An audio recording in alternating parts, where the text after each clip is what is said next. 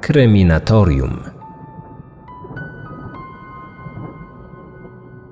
Od czasu, gdy w roku 2011 chora na raka Betsy Feria została zamordowana w swoim własnym domu, sprawa jej śmierci wciąż pozostaje w Stanach Zjednoczonych jedną z najbardziej medialnych spraw kryminalnych.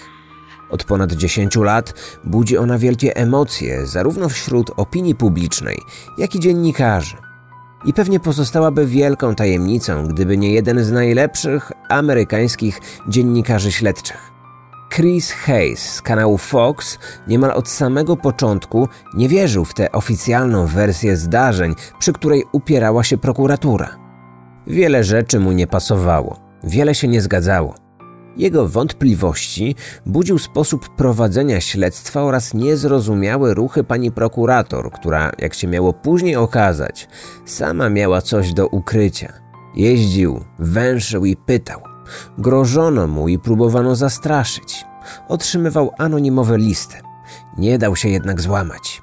Za cel swojej dziennikarskiej pracy obrał sobie odkrycie prawdy o tym, co wydarzyło się w domu Betsy, kto tak naprawdę ją zamordował oraz dlaczego. Bo w to, że prawdziwy zabójca został schwytany i osadzony w więzieniu, Chris Hayes za nic na świecie nie chciał uwierzyć. Swoje własne śledztwo przeprowadzili także dziennikarze stacji. Efektem ich pracy było najpierw opublikowanie pięciu reportaży na temat tej zbrodni. Później powstała seria podcastów przedstawiających sprawę zabójstwa Betsy z zupełnie innej perspektywy. The Thing About Pam. Ten reportażowy podcast odniósł w Ameryce oszałamiający sukces. Nie trzeba było więc długo czekać, aby do twórców zgłosili się filmowcy, gotowi przenieść na ekran tę nieprawdopodobną historię. Tym oto sposobem powstał sześcioodcinkowy serial, którego polska nazwa to Cała Prawda o Pam. Zaznaczam raz jeszcze, że jest to serial zainspirowany serią podcastów o tym samym tytule, więc dla mnie jako podcastera to coś niezwykłego. Zakładam, że Was, fanów gatunku, ten temat też zainteresuje.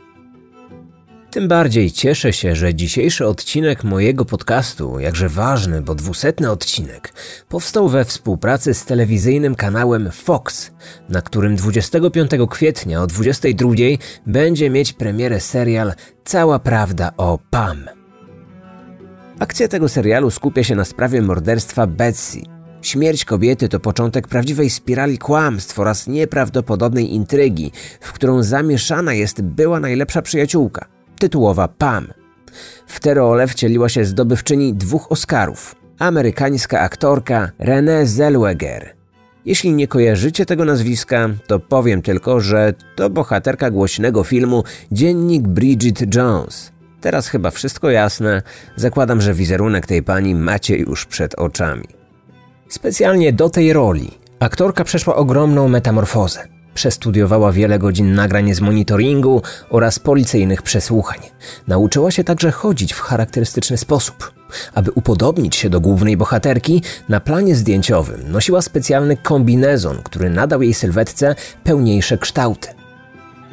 I trzeba przyznać, że charakteryzacja jest w tym serialu na najwyższym poziomie, ponieważ na pierwszy rzut oka bardzo trudno jest rozpoznać René na ekranie. Do złudzenia przypomina tytułową Pam Hub.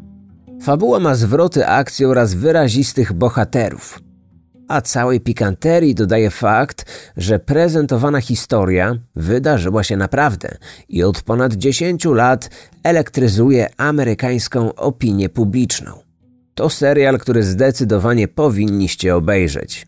Pierwszy odcinek całej prawdy o Pam w polskiej wersji językowej wyemitowany zostanie 25 kwietnia w poniedziałek o 22 wyłącznie na kanale Fox.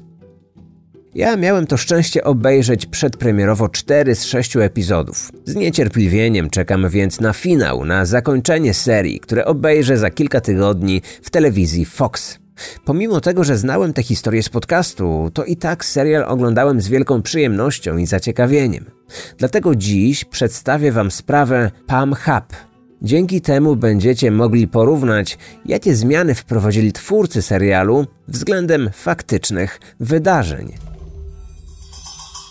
Kryminatorium. Otwieramy akta tajemnic. Raz Feria zawsze starał się poświęcać jak najwięcej czasu swojej żonie Betsy. Zwłaszcza odkąd okazało się, że kobieta choruje na raka piersi. Woził ją na chemioterapię, robił z nią zakupy, zabierał na lekcje tenisa. Jednak jego wtorkowe wieczory zawsze były zarezerwowane na spotkania z kolegami. Ten prostolinijny facet o łagodnej twarzy, nie ruszający się nigdzie bez swojego charakterystycznego kapelusza, mógł się wówczas odstresować po trudach całego tygodnia, spędzając czas na graniu z kumplami w jego ulubione gry planszowe. Nie inaczej było 27 grudnia 2011 roku. Pracę skończył o 17. Nie wrócił prosto do domu. Po zatankowaniu auta pojechał do sklepu. Odebrał karmę dla psa i kupił papierosy. Zadzwonił do matki, żeby poinformować ją, że nie będzie miał czasu wpaść do niej na kolację. Później wykonał telefon do Betsy, która w tym czasie przechodziła chemię w klinice onkologicznej. Przypomniał żonie, że jedzie do kumpli mieszkających w tym samym mieście, ale urwie się wcześniej, aby odebrać ją ze szpitala. Tamtego dnia nie było jednak takiej potrzeby. Betsy miała już podwózkę. Jej przyjaciółka, Pam, zaoferowała jej swoją pomoc. Raz nawet się ucieszył. Pomyślał, że będzie miał więcej czasu dla siebie. To był dla niego trudny okres, bo kiedy okazało się, że rak zaczyna być w odwrocie, a stan Betsy poprawiał się, nagle przyszła druzgocąca diagnoza przerzuty do wątroby. Najbliższa przyszłość zaczęła się jawić w ciemnych barwach.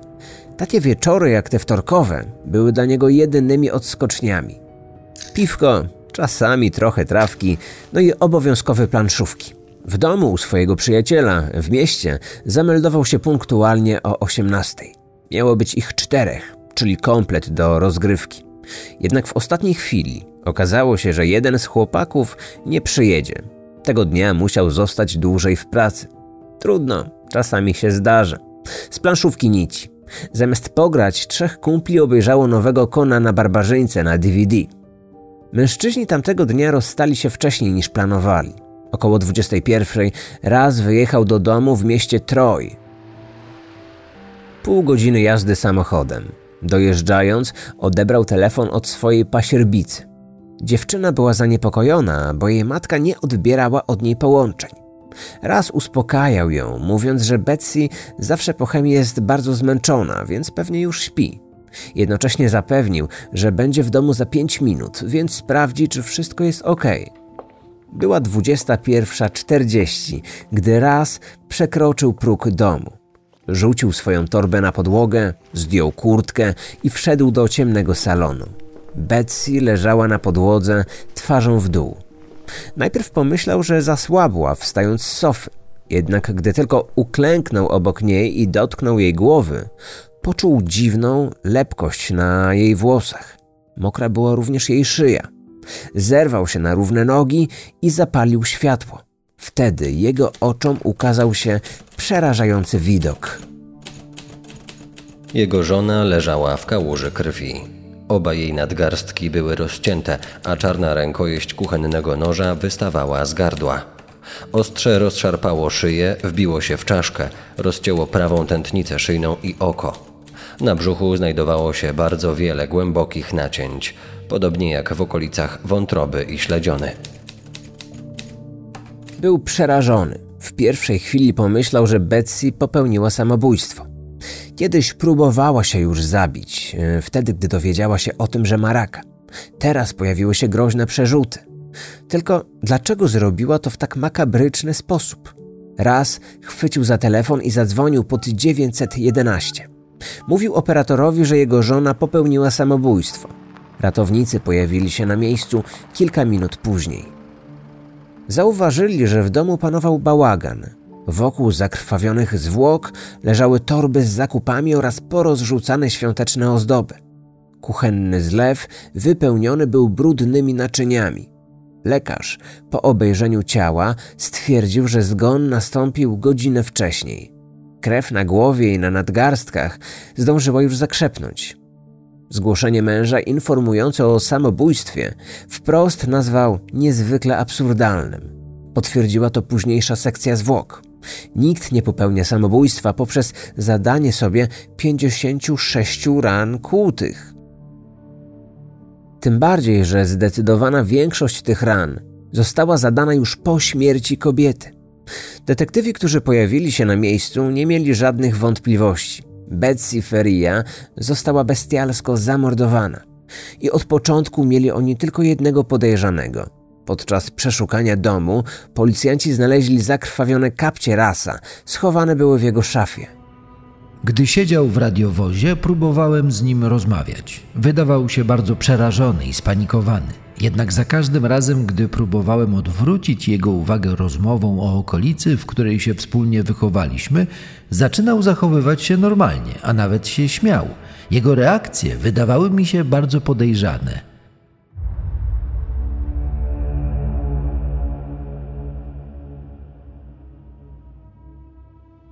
Raz został zatrzymany i zabrany na posterunek policji.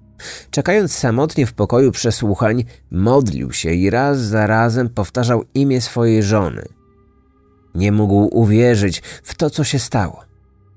Podczas trwającego ponad 10 godzin przesłuchania przysięgał, że nie zabił Betsy, że nie było go w domu, gdy to wszystko się stało.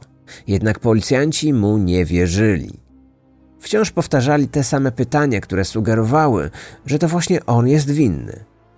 Dlaczego tak bardzo zmieniał się jego nastrój, gdy po raz pierwszy rozmawiali z nim detektywi? Dlaczego kilka razy na jego twarzy pojawił się uśmiech? Gdy przesłuchanie dobiegło końca, raz usłyszał, że to on zabił swoją chorą żonę. Śledczy nie mieli co do tego żadnych wątpliwości. Ich podejrzenia szybko potwierdziła najlepsza przyjaciółka żony, Pam Hap. Kobieta zeznała, że w ich małżeństwie od dawna się nie układało. Betsy wielokrotnie miała się jej zwierzać, że boi się rasa, że ją bił, że groził jej śmiercią, że wiele razy podkreślał, jak wiele pieniędzy otrzyma po jej śmierci. Przedstawiła podejrzanego jako mężczyznę o wybuchowym temperamencie, który zdolny jest do największych okrucieństw. Policjanci nie mieli powodów, aby jej nie wierzyć. Przecież nikt nie mógł znać sytuacji rodzinnej ofiary lepiej niż jej najlepsza przyjaciółka. Tym bardziej, że Pam od samego początku śledztwa była bardzo chętna do współpracy. Sama zaoferowała pobranie od niej próbek DNA i odcisków palców. Zapewniła, że gdy około dziewiętnastej podwiozła Betsy do domu, jej przyjaciółka była bardzo zmęczona i natychmiast usnęła. Podkreśliła, jak okropnie wyglądał dom tamtego wieczoru. Ciemny, ale z otwartymi drzwiami. Odniosła wrażenie, że mąż ofiary był w środku, bo widziała jego samochód na podjeździe. Najpierw powiedziała, że nie weszła do środka, ale później zmieniła swoją wersję wydarzeń. Weszła, bo przyjaciółka chciała jej pokazać nową szafkę na biżuterię. Pam zaznaczyła, że gdy wychodziła, Betsy leżała na sofie owinięta kocem. Chwilę później poprawiła się, mówiąc policjantom, że przyjaciółka e, odprowadziła ją do samych drzwi. Na początku przesłuchania Pam opowiedziała śledczym, że zadzwoniła do Betsy, kiedy dojechała do swojego domu. To też zmieniła. W drugiej wersji Pam próbowała do niej zadzwonić, gdy dojeżdżała do domu, ale Betsy nie odebrała. Policjanci zaczęli zastanawiać się, dlaczego przesłuchiwana kobieta tak często zmienia zdanie. Ta szybko rozwiała ich wątpliwości. Zupełnie szczerze stwierdziła, że od jakiegoś czasu ma ogromne kłopoty z pamięcią. Miało to być spowodowane urazem głowy z przeszłości. Śledczy uwierzyli i już więcej o nic nie pytali. Policjanci postanowili poddać rasa badaniu wykrywaczem kłamstw. Mężczyzna zgodził się i oblał ten test. Jego odpowiedzi wyraźnie wskazywały na to, że w chwili, gdy mówił, że nie zabił swojej żony, kłamał. 4 stycznia 2012 roku, czyli dzień po pogrzebie Betsy, raz został aresztowany. Kaucję wyznaczono na ćwierć miliona dolarów. Nie miał tyle, więc 10 następnych miesięcy spędził w areszcie, czekając na proces. Podczas rozprawy Obrońca rasa, sprytny adwokat Joel Schwartz, robił co tylko mógł, aby uratować swojego klienta przed więzieniem. Swoją drogą, postać tego obrońcy też została barwnie przedstawiona w serialu Cała prawda o Pam. To z pewnością jedna z ciekawszych postaci. Od samego początku uważałem, że mój klient jest niewinny. Trzech jego przyjaciół zeznało zgodnie, że wieczór, w którym dokonano morderstwa, spędził on w ich obecności. Potwierdzały to nie tylko paragony z różnych sklepów, w których dokonywał zakupów, ale i dane z logowań jego telefonu. W chwili śmierci swojej żony mój klient przebywał w innym mieście, oddalonym prawie 40 km od miejsca zbrodni.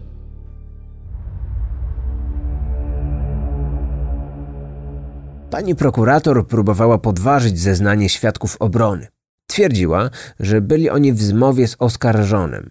Wspólnie mieli przygotować spisek mający na celu stworzenie żelaznego alibi. Gdy raz mordował swoją żonę, w tym czasie jego przyjaciele robili zakupy jego kartą kredytową oraz logowali się jego komórką w odległych miejscach. Obrońca oskarżonego miał jednak asa w rękawie.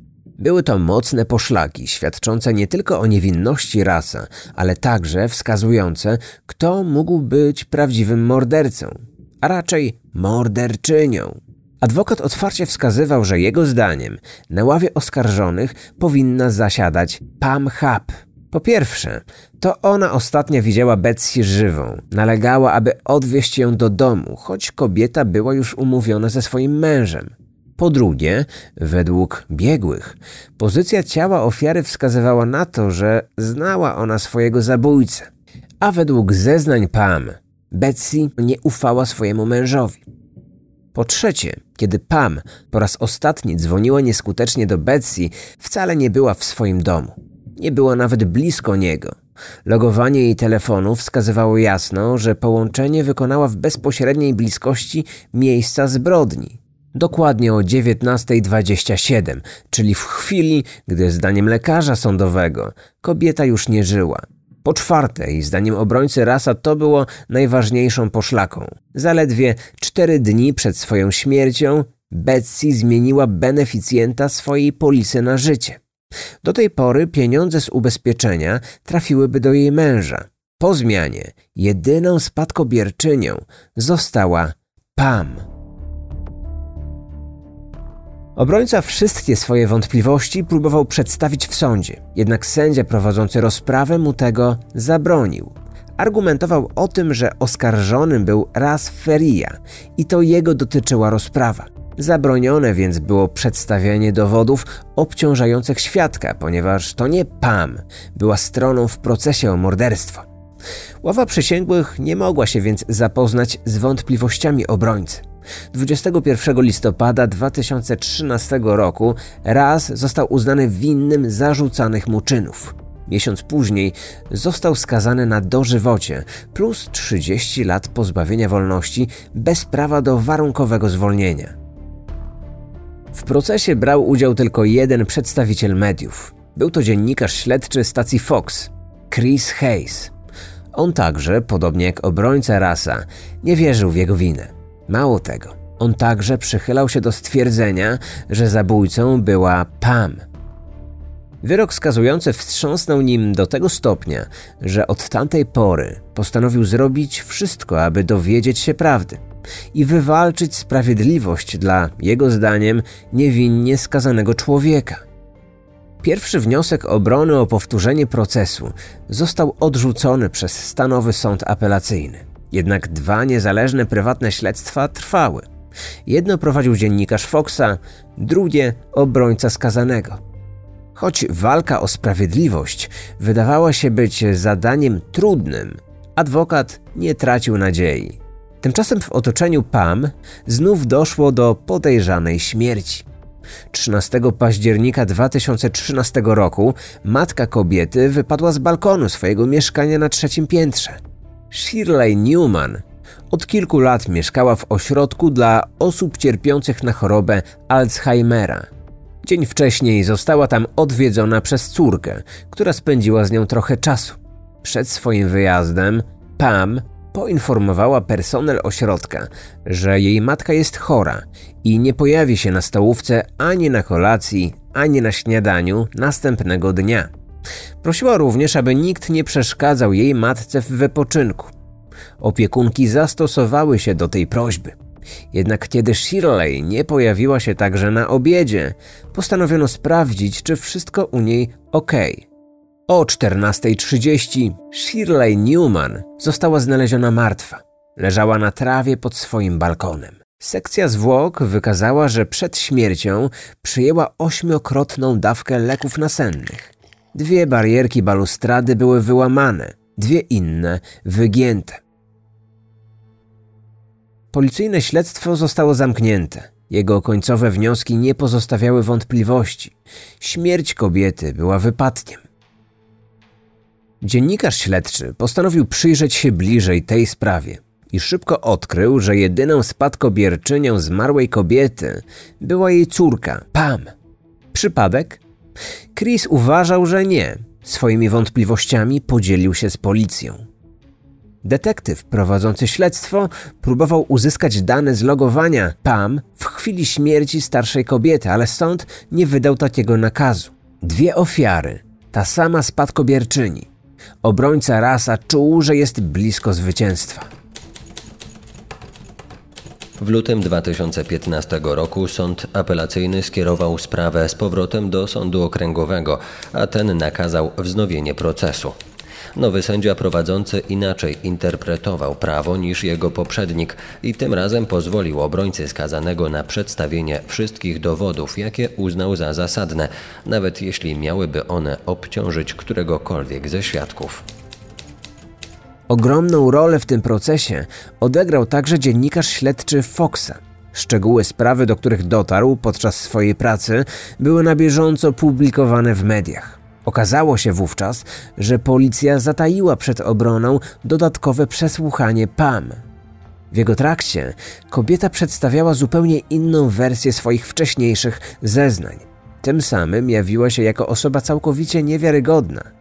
A to przecież głównie na podstawie jej zeznań raz został skazany.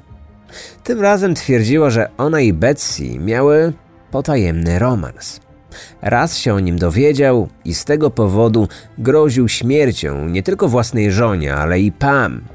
Dodatkowo twierdziła ona, że gdy podwiozła Betsy do domu, widziała rasa siedzącego w swoim aucie zaparkowanym na podjeździe. Co więcej, na jaw wyszedł fakt, że Pam odmówiła udziału w badaniu wykrywaczem kłamstw, powołując się na swoją niepełnosprawność, ale nigdy nie przedstawiła wymaganego wówczas zwolnienia lekarskiego. I jakoś policji to nie przeszkadzało. Na tym ujawnione w trakcie drugiego procesu rewelacje się nie kończyły. Okazało się, że pani prokurator, tak zajadle próbująca udowodnić winę rasa, nie tylko była w nieformalnym związku z detektywem prowadzącym śledztwo, ale miała także romans z głównym świadkiem oskarżenia.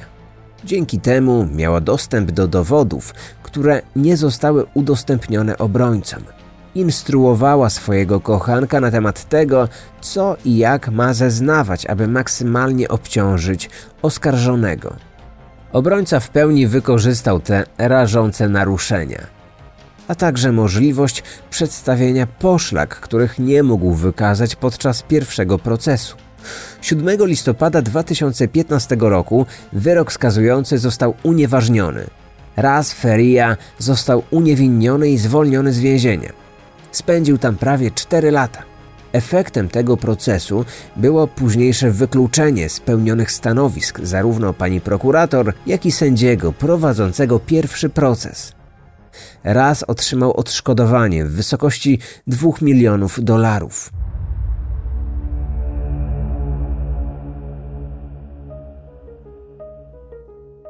Za każdym razem, gdy media przypominały sobie o tej sprawie, na pierwsze strony gazet wracała Pam. Opinia publiczna widziała w niej zimną morderczynię, która posłała za kratki niewinnego człowieka i tylko dzięki nieustępliwości dziennikarza śledczego oraz obrońcy skazanego raz odzyskał wolność. Tymczasem Chris Hayes dalej prowadził swoje dziennikarskie śledztwo.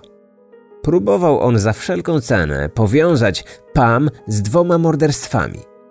Mocno wierzył, że zabiła ona nie tylko swoją najlepszą przyjaciółkę, ale i własną matkę. Telewizja Fox wciąż publikowała reportaże związane ze sprawą. Zwracano w nich uwagę na wszelkie wątpliwości. Jednak policja nadal nie decydowała się na wznowienie swojego śledztwa. Tymczasem Pam czytała wszystkie artykuły, w których dziennikarz Foxa pytał, co ukrywa i ile tak naprawdę ta kobieta ma na sumieniu. Zdawało sobie sprawę, że w każdej chwili pętla wokół niej samej zaciśnie się, a ona wyląduje za kratkami. Postanowiła zrobić więc wszystko, aby ostatecznie oczyścić swoje imię. A jednocześnie raz na zawsze udowodnić, że jest niewinna i że za wszystkim od samego początku stał raz. Plan, który jak sobie wymyśliła, wydawał się być z gatunku tych idealnych. Gdy przyszedł odpowiedni moment, Pam postanowiła wprowadzić go w życie. 16 sierpnia 2016 roku operator 911 odebrał niepokojące zgłoszenie. W słuchawce usłyszał kobiecy głos.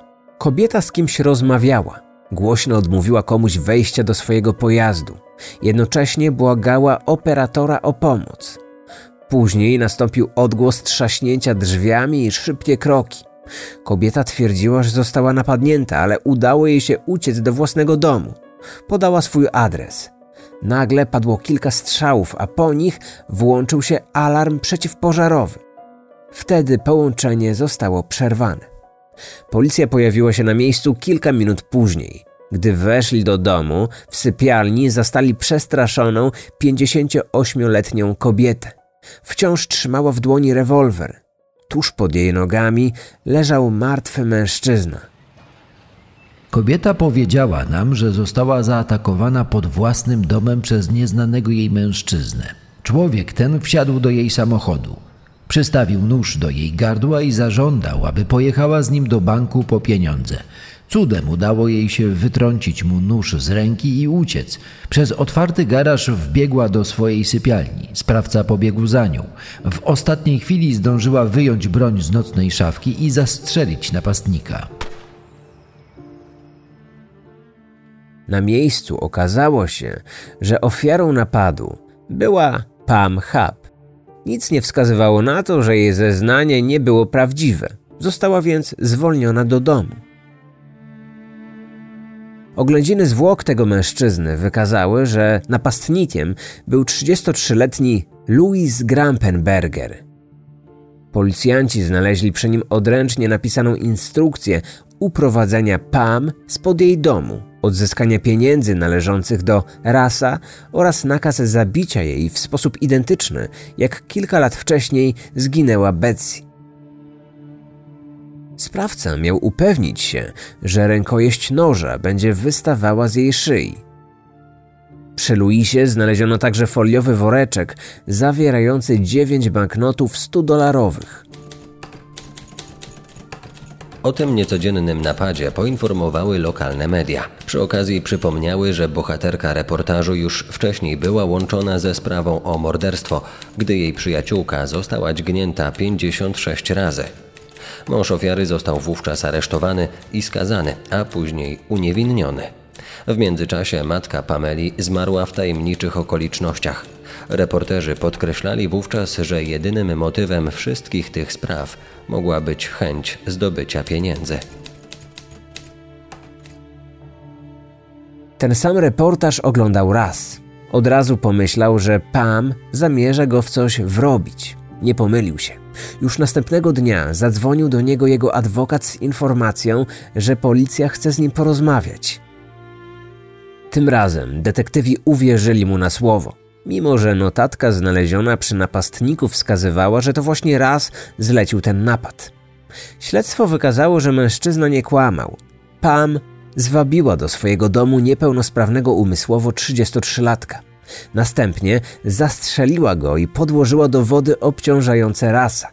Banknoty znalezione w kieszeni Luisa miały kolejne numery seryjne, które pasowały do numeru seryjnego banknotu 100-dolarowego znalezionego na komodzie w domu Pam. Znaleziono również świadków. Pewna mieszkanka okolicy zeznała, że sześć dni wcześniej została zaczepiona przez kobietę podającą się za producentkę telewizyjną. Oferowała tysiąc dolarów za odegranie sceny połączenia na numer 911 z domu Pam na potrzeby filmu dokumentalnego o sprawie śmierci Betsy.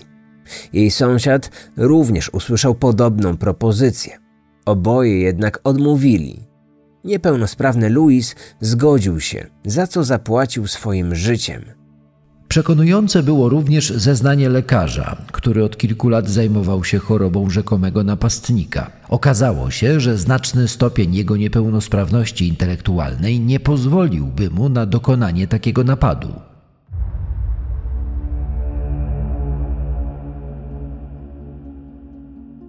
Tydzień po zastrzeleniu 33-latka, Pam została aresztowana i oskarżona o dokonanie zabójstwa pierwszego stopnia. Będąc już w areszcie, poprosiła o możliwość skorzystania z toalety. Policjanci zgodzili się. Kilka sekund później niepilnowana przez nikogo kobieta wyjęła z kieszeni spodni długopis i dźgnęła się nim w szyję oraz w nadgarstki. W ostatniej chwili została uratowana i przewieziona do szpitala a pierwsze strony lokalnych gazet obiegło jej policyjne zdjęcie, na którym aresztowana kobieta ma na szyi założony opatrunek. Asystent prokuratora hrabstwa opisał jej czyn jako próbę samobójczą spowodowaną jej świadomością winy. 16 grudnia 2016 roku kobieta usłyszała zarzuty. Nie przyznała się do winy. Prokuratorzy ogłosili, że będą domagać się dla niej kary śmierci. Pół roku później sąd okręgowy orzekł, że podczas przyszłego procesu prokuratura nie będzie mogła przedstawić dowodów dotyczących śmierci jej matki. Zezwolono jednak, aby prokurator mógł włączyć do aktu oskarżenia zabójstwo Betsy. Proces wyznaczono na czerwiec 2019 roku. Nigdy jednak do niego nie doszło. Krótko przed wyznaczonym terminem rozprawy, Pam zdecydowała się na skorzystanie z tzw. Tak doktryny Alforda. Co to takiego? W amerykańskim systemie prawnym jest to dobrowolne poddanie się karze, na mocy którego oskarżony nie przyznaje się do popełnienia czynu zabronionego i w dalszym ciągu podtrzymuje swoją niewinność.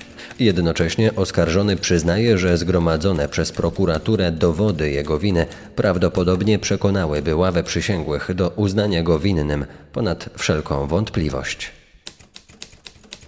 Na mocy takiej ugody z prokuratorem nie tylko zrezygnowano z zaplanowanego procesu, ale również odstąpiono od żądania kary śmierci za zabójstwo pierwszego stopnia.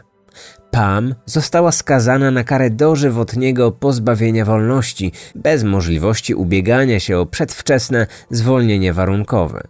Matka niepełnosprawnego 33-latka otrzymała odszkodowanie w wysokości 3 milionów dolarów. We wrześniu 2020 roku mąż Pam złożył wniosek o rozwód, który ostatecznie uzyskał kilka tygodni temu. Całą sprawą od ponad 10 lat żyje cała Ameryka. I nie jest to sprawa zakończona. Pam wciąż nie przyznaje się do winy, a śledczy w dalszym ciągu nie ustalili prawdziwych okoliczności śmierci wszystkich ofiar, które się jej przypisuje. Jakiś czas temu złożyła wniosek o uchylenie wyroku skazującego. Twierdziła przy tym, że została zmuszona przez prokuratora i policję do skorzystania z doktryny Alforda. Choć jej wniosek został odrzucony, należy się spodziewać, że nie jest to jej ostatnie słowo. To, że będzie walczyć o swoją wolność, jest akurat pewne. Czy kiedykolwiek poznamy prawdę o okolicznościach trzech zabójstw, których się dopuściła? Nie mam pojęcia. Wielu Amerykanów mocno w to wierzy i niecierpliwie czeka na ten moment. Tym bardziej, że sprawa ta wciąż budzi w Stanach Zjednoczonych wiele emocji. Czy podobnie będzie w Polsce po premierze sześciodcinkowego serialu Cała Prawda o Pam na kanale Fox z rewelacyjną Renée Zellweger w roli tytułowej? Dziś cała ta historia nie jest jeszcze w naszym kraju zbyt dobrze znana, nawet wśród miłośników True Crime. Dlatego tym bardziej 25 kwietnia w poniedziałek o 22 fani tego gatunku powinni zasiąść przed ekranem swoich telewizorów, aby włączyć kanał Fox i poznać tę niezwykle zawiłą sprawę, do której scenariusz napisało życie, a raczej hmm, zrobiła to śmierć. Odcinek powstał na podstawie podcastu The Thing About Pam telewizji NBC News oraz książki napisanej przez obrońcę męża ofiary Joela Schwartza. Wykorzystano również książkę Rebeki Pittman oraz artykuły opublikowane w St. Louis Magazine i Fox 2 Now. Ten materiał powstał we współpracy z telewizją Fox.